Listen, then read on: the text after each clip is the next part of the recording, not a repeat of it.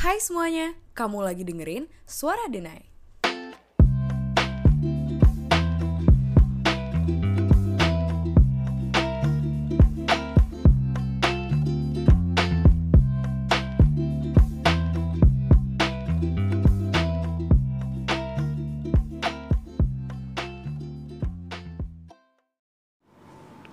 Halo semuanya, kembali lagi di Suara Denai.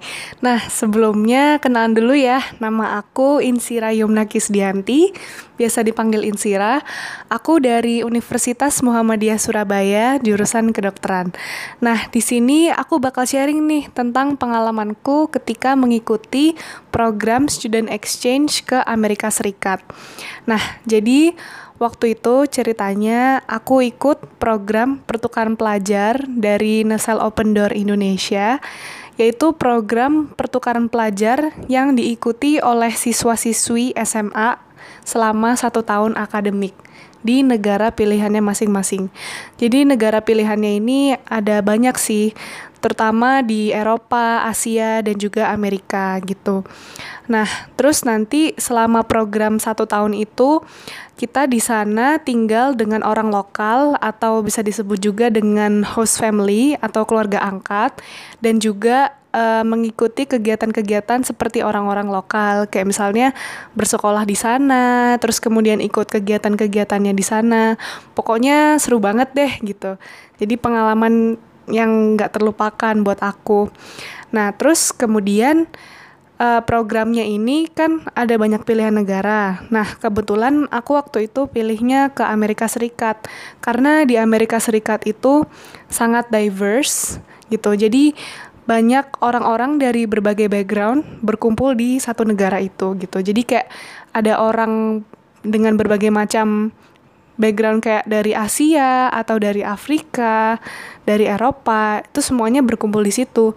Jadi menurut aku asik juga nih kalau misalnya aku bisa belajar dari orang-orang yang justru backgroundnya tuh beda sama aku gitu. Jadi ya yeah, that's why I choose America gitu. Terus kemudian di Amerika juga dia tuh berbahasa Inggris kan bahasa nasionalnya. Jadi aku nggak perlu belajar bahasa asing lagi gitu karena aku memang uh, sudah punya basicnya untuk bahasa Inggris gitu.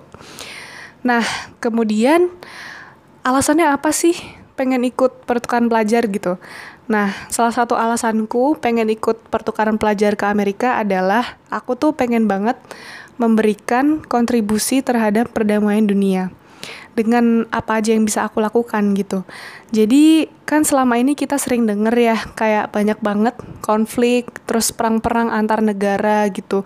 Bahkan kayak banyak negara-negara tuh yang bersaing demi mendapatkan kekuasaan tertentu gitu. Dan menurut aku uh, konflik ini tuh awalnya disebabkan karena memang mereka tuh tidak bisa saling memahami satu sama lain gitu. Jadi ada kan pepatah namanya tuh apa tak kenal maka tak sayang gitu. Jadi menurut aku ini bisa diaplikasikan ke keadaan yang lagi memuncak di dunia sekarang gitu. Jadi kayak jadi kayak menurutku banyak asumsi-asumsi atau stigma-stigma negatif terhadap budaya atau negara tertentu karena sebenarnya kita belum pernah terekspos dengan budaya itu gitu. Jadi menurutku sangat penting bagi kita untuk bisa belajar justru bukan dari budaya kita sendiri tapi dari budaya yang lain supaya kita bisa belajar untuk saling memahami dan menghargai gitu supaya tidak terjadi konflik di masa depan. Nah, itu salah satu bener-bener salah satu dasar aku sih kenapa aku pengen ke Amerika yang budayanya sangat beda. Terus juga di sana kan apa ya waktu itu sempat ada konflik. Sebenarnya ini udah lama sih. Jadi uh, kalau kalian pernah tahu, jadi di Amerika tuh ada kejadian 9/11 atau 11 September yang nggak tahu bisa di search mungkin di Google ya kejadian 11 September. Jadi intinya itu tuh kejadian terorisme gitu di Amerika yang meninggalkan bekas luka yang sangat dalam terhadap orang-orang Amerika dan kebetulan waktu itu katanya sih ya yang melakukan itu orang muslim gitu. Jadi semenjak kejadian itu banyak terdapat orang-orang yang memiliki Islamofobia atau fobia terhadap orang-orang Islam atau Muslim gitu. Nah, kebetulan uh, aku sebagai seorang muslim dan aku juga berhijab aku pengen banget menunjukkan karakter Islam yang sesungguhnya di sana gitu. Jadi melalui bagaimana aku bersikap, bagaimana aku uh, memperlakukan orang lain, mungkin seperti itu ya. Jadi kan banyak stereotip-stereotip negatif nih tentang Islam gitu di sana semenjak kejadian 11 September itu. Jadi aku memang personally pengen mematahkan stereotip terhadap orang Islam itu dengan apa yang bisa aku lakukan gitu. Jadi ya itu sih sebenarnya alasan mendasarnya aku pengen ke sana gitu. Nah, sekarang aku pengen nih membagikan spesifiknya pengalamanku ketika mengikuti pertukaran pelajar di sana. Jadi, ceritanya hal pertama kali yang paling aku notice ketika di Amerika itu yang berbeda dari Indonesia adalah ya orang-orangnya sih. Karena di sana kan memang didominasi sama orang-orang kulit putih atau Caucasian. Sedangkan kalau di Indonesia itu memang kebanyakan orangnya Asia gitu kan. Jadi itu sih yang paling beda. Terus yang kedua juga temperaturnya beda banget gitu. Jadi kalau di sana kan memang ada empat musim ya. Ada fall winter spring sama summer gitu. Sedangkan kalau di Indonesia kita cuma punya dua yaitu musim panas, kemarau sama musim hujan gitu. Jadi kayak ya pertama kali yang paling aku notice di sana adalah waduh di sini dingin banget gitu. Nah, terus kemudian kalau dari segi sistem pendidikannya jadi untuk apa SMA itu di sana itu beda banget sih sama di Indonesia. Jadi yang pertama kita tuh bisa milih pelajaran sendiri gitu di sana. Jadi kayak memang bisa milih pelajaran sendiri tapi tetap ada persyaratannya juga. Jadi misalnya ketika lulus SMA kamu harus punya total credits atau kayak poin segini gitu. Jadi kalau misalnya uh, di sana misalnya ada matematika nih ya. Matematika tuh dibagi tiga. Jadi ada aljabar ada kalkulus ada geometri gitu. Nah kamu harus milih salah satu dari ini gitu. Mau misalnya mau aljabar nih. Oke berarti nanti kamu tahun depannya udah nggak usah ngambil aljabar lagi. Jadi kayak gitu. Jadi uh, memang lebih enak sih karena kita tuh diajarkan untuk apa ya bisa bertanggung jawab atas apa pilihan kita gitu. Nah terus pelajarannya ini juga setiap kalau aku setiap semester tuh ganti. Jadi misalnya semester ini aku belajarnya ini terus semester depan belajarnya udah beda lagi gitu. Nah terus satu kelas tuh cuman bisa diambil satu kali aja. Jadi gak bisa misalnya kamu tahun ini ngambil kelas ini terus tahun depan kamu ngambil kelas yang sama itu nggak bisa gitu. Jadi memang sistemnya beda banget sih sama di Indonesia Terus juga di sana itu memang kemampuannya disesuaikan sama anaknya gitu sih. Jadi kalau misalnya ada kelas biologi gitu. Nah, ada kan ada tuh beberapa anak yang memang dia tuh kemampuannya tuh sudah sesuai dengan orang-orang yang kuliah misalnya, udah bukan taraf SMA lagi. Jadi dia tuh nanti di kelas biologi itu akan diberikan kurikulum sendiri yang sesuai dengan kemampuannya dia gitu. Jadi kurikulum biologi yang misalnya untuk kuliah kayak gitu. Jadi memang sangat beda sih ya sama di Indonesia gitu. Terus juga pelajarannya itu kayak banyak yang nggak ada di Indonesia gitu kayak misalnya pelajaran psikologi terus ada pelajaran namanya forensic science jadi dia tuh kayak tentang apa sih penyelidikan orang yang mati yang kayak gitu loh meninggalnya tuh penyebabnya kenapa kayak gitu terus Kemudian di sana itu juga semua siswa itu dituntut untuk aktif dalam diskusi kelas. Jadi misalnya kayak kalau gurunya nanya itu kalian tuh harus aktif jawab gitu. Kalau di Indonesia kan kalau misalnya kayak gurunya nanya kadang kadang tuh kayak mau angkat tangan ragu-ragu gitu kan. Terus kayak uh, malu gitu mau jawab gitu pertanyaan. Jadi kalau di sana tuh malah justru semua tuh angkat tangan gitu kayak bener-bener santai banget. Dan kalau misalnya mereka salah juga ya udah nggak apa-apa gitu loh. Mungkin kalau di sini kadang-kadang kan kayak kalau misalnya salah diketawain kayak gitu mungkin ya. Jadi kayak bikin orang lebih malu gitu loh untuk bisa menyampaikan pendapatnya. Tapi kalau di sana tuh justru harus mengeluarkan pendapat gitu.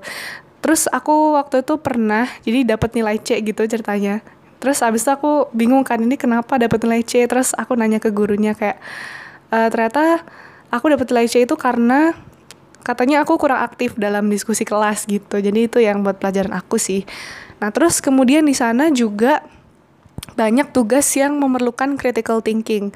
Kayak misalnya nulis esai atau apa ya, kayak searching-searching tentang informasi tertentu kayak gitu. Jadi kalau di sini kan kebanyakan latihan soalnya itu kayak langsung bisa didapetin jawabannya di buku gitu kan. Tapi kalau di sana itu tetap aja nggak bisa searching jawabannya gitu karena kamu harus benar-benar mikir dari pendapatmu sendiri gitu.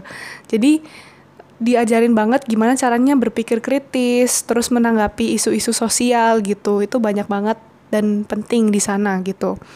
Terus kemudian juga kalau di sekolah sendiri kita tuh boleh pakai baju bebas. Jadi kalau di sini kan pakai seragam ya dari Senin sampai Jumat. Nah, kalau di sana itu kita boleh pakai baju bebas, termasuk boleh pakai jeans, boleh pakai kaos.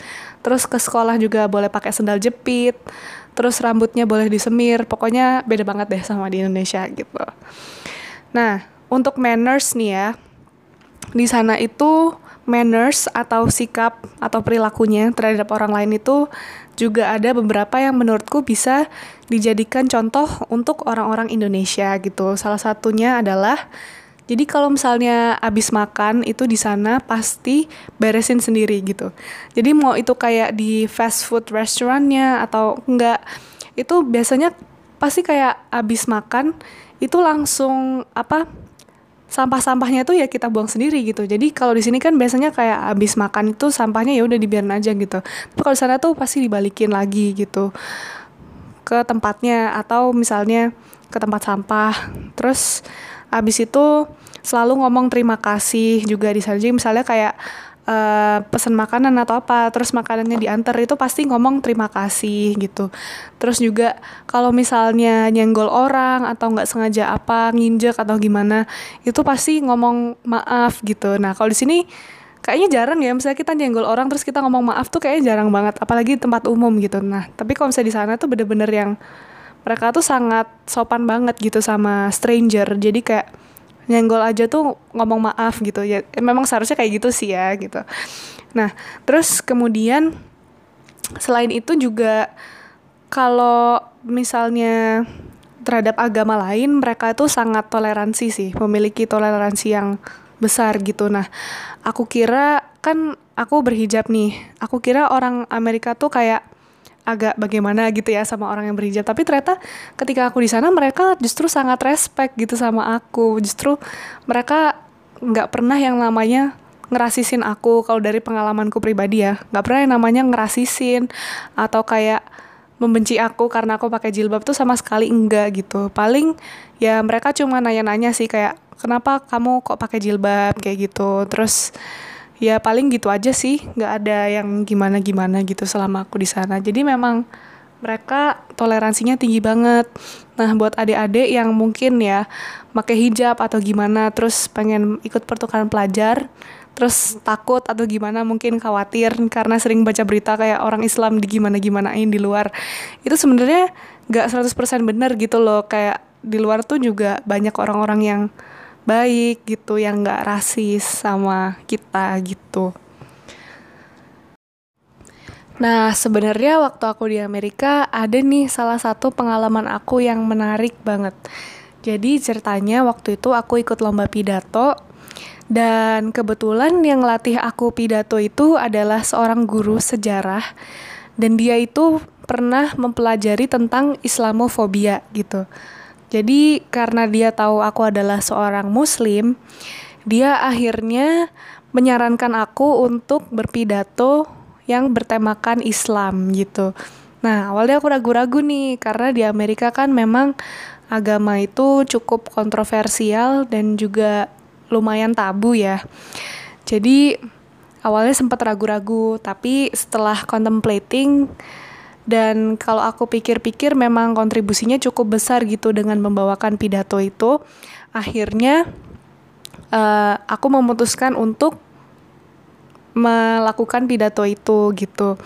Jadi aku di situ akhirnya mengambil topik tentang misconception of Islam yaitu adalah uh, kesalahpahaman atau stereotype-stereotype yang banyak orang lain punya tentang Islam yang sebenarnya itu tuh nggak benar gitu.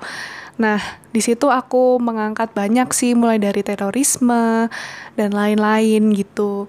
Nah, dan alhamdulillahnya aku berhasil dari lomba itu aku berhasil mendapatkan gold medal atau medali emas setingkat dengan state. Terus kemudian aku juga menang di regional speech competition gitu. Dan itu aku bersyukur banget sih dan gak nyangka banget bisa menang karena memang waktu pas lomba itu tegang banget karena yang lain itu topiknya pada macam-macam sih. Ada yang tentang teknologi terus ada yang tentang politik gitu. Sedangkan aku yang bukan orang sana tapi kayak tiba-tiba bawa topik tentang agama gitu dan itu kayak sangat kontroversial gitu. Memang awalnya sangat menakutkan tapi alhamdulillah setelah uh, berjalannya waktu dan aku juga dari awal sudah niatkan kalau misalnya uh, aku tuh memang pengen membuat perdamaian dunia gitu. Dan aku pengen bisa berkontribusi untuk negaraku dan juga agamaku gitu. Dan ya alhamdulillah sih semuanya lancar sampai akhir gitu.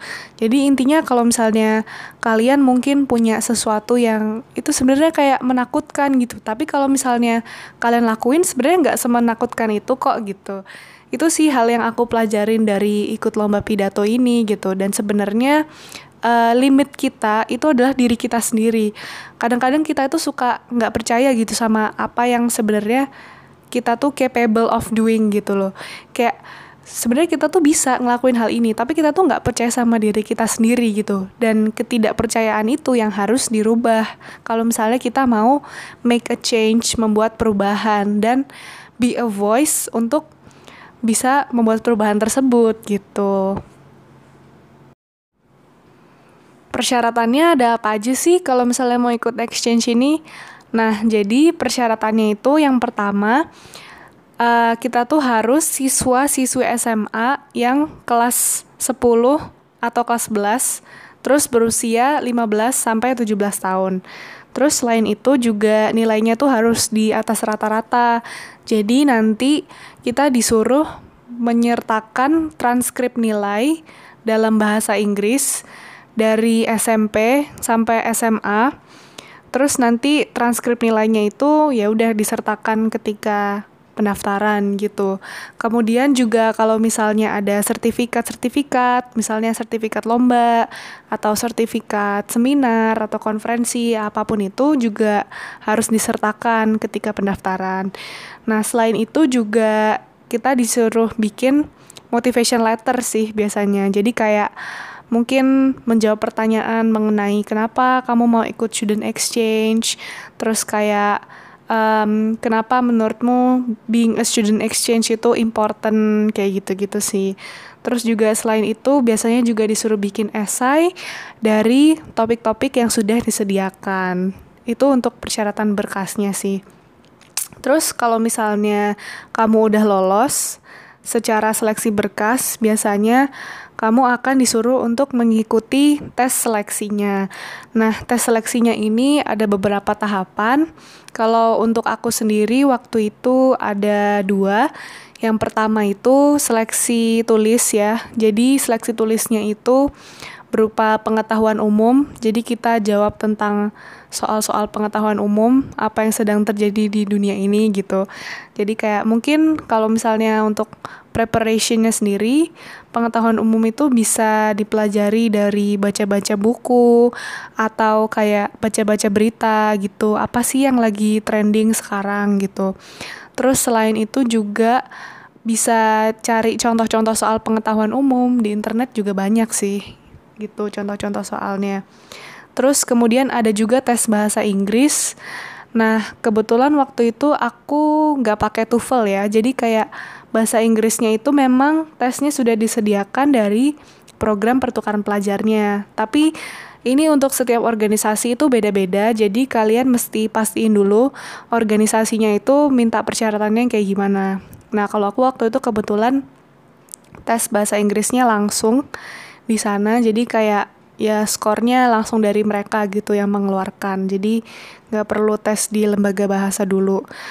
Nah terus kemudian selain tes bahasa Inggris juga ada tes untuk membuat esai juga gitu.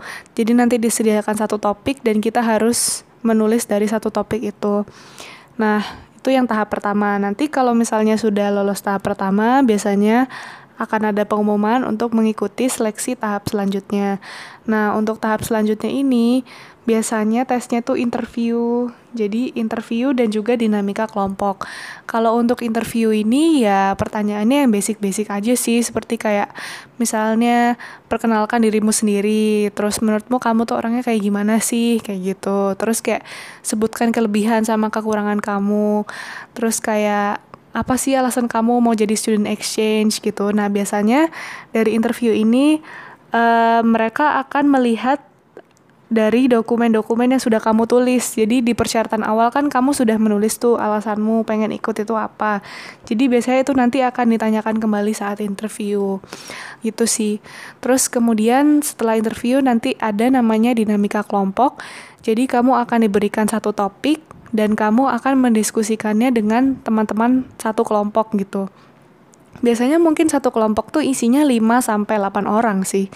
Terus nanti dari dinamika kelompok itu ada satu juri atau penilai gitu. Jadi nanti mereka menilai bagaimana kamu bisa berdiskusi dalam sebuah kelompok itu. Apakah kamu misalnya terlalu dominan atau misalnya kamu terlalu pasif gitu.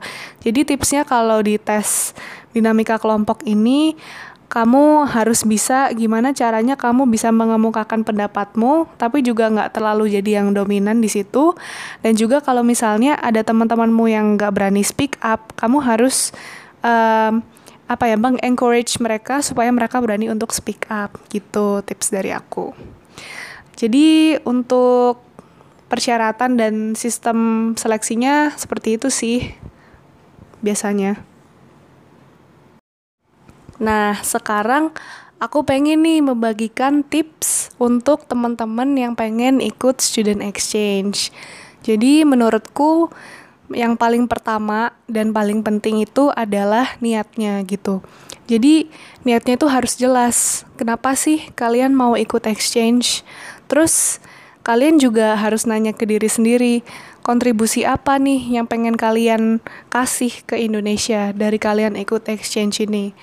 Terus yang kedua, memang ada kalanya sih kita pengen nyerah terhadap apa yang kita lakukan. Atau mungkin kita nggak pede karena sebenarnya yang kita lakukan itu di luar comfort zone kita. Tapi kalau saran aku lawan aja perasaan-perasaan kayak gitu. Karena ya kita nggak akan tahu suatu hal sampai kita benar-benar mencoba melakukan hal itu gitu. Nah, terus yang ketiga juga kita harus fokus on it every single day.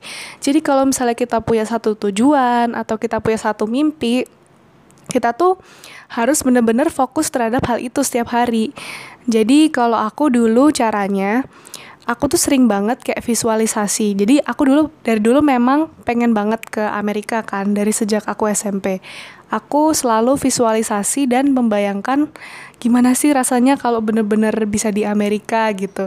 Dan itu memang sangat powerful banget gitu. Karena kalau misalnya kita percaya sama diri sendiri, terus kita percaya bahwa kita bisa mencapai mimpi kita, itu hasilnya bakal luar biasa banget dan bakal besar kemungkinannya untuk tercapai daripada kalau kita nggak percaya sama diri kita sendiri.